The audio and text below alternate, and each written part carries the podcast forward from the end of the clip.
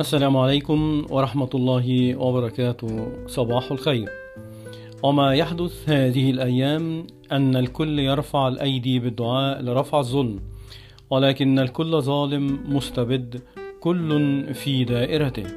فلا يستجاب دعاء وتغرق الدنيا في المظالم أكثر وأكثر.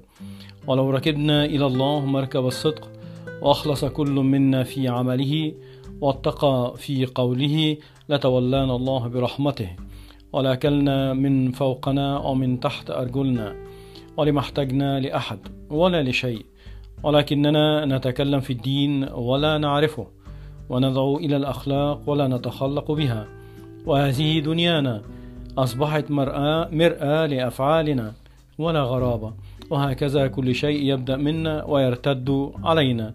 وبين الظلم الظاهر والعدل الخفي خيط رفيع لا يراه إلا أهل القلوب. هذه الكلمات كانت في كتاب كلمة السر للراحل مصطفى محمود عليه رحمة الله. شكرا لكم ونهاركم طيب وسعيد إن شاء الله.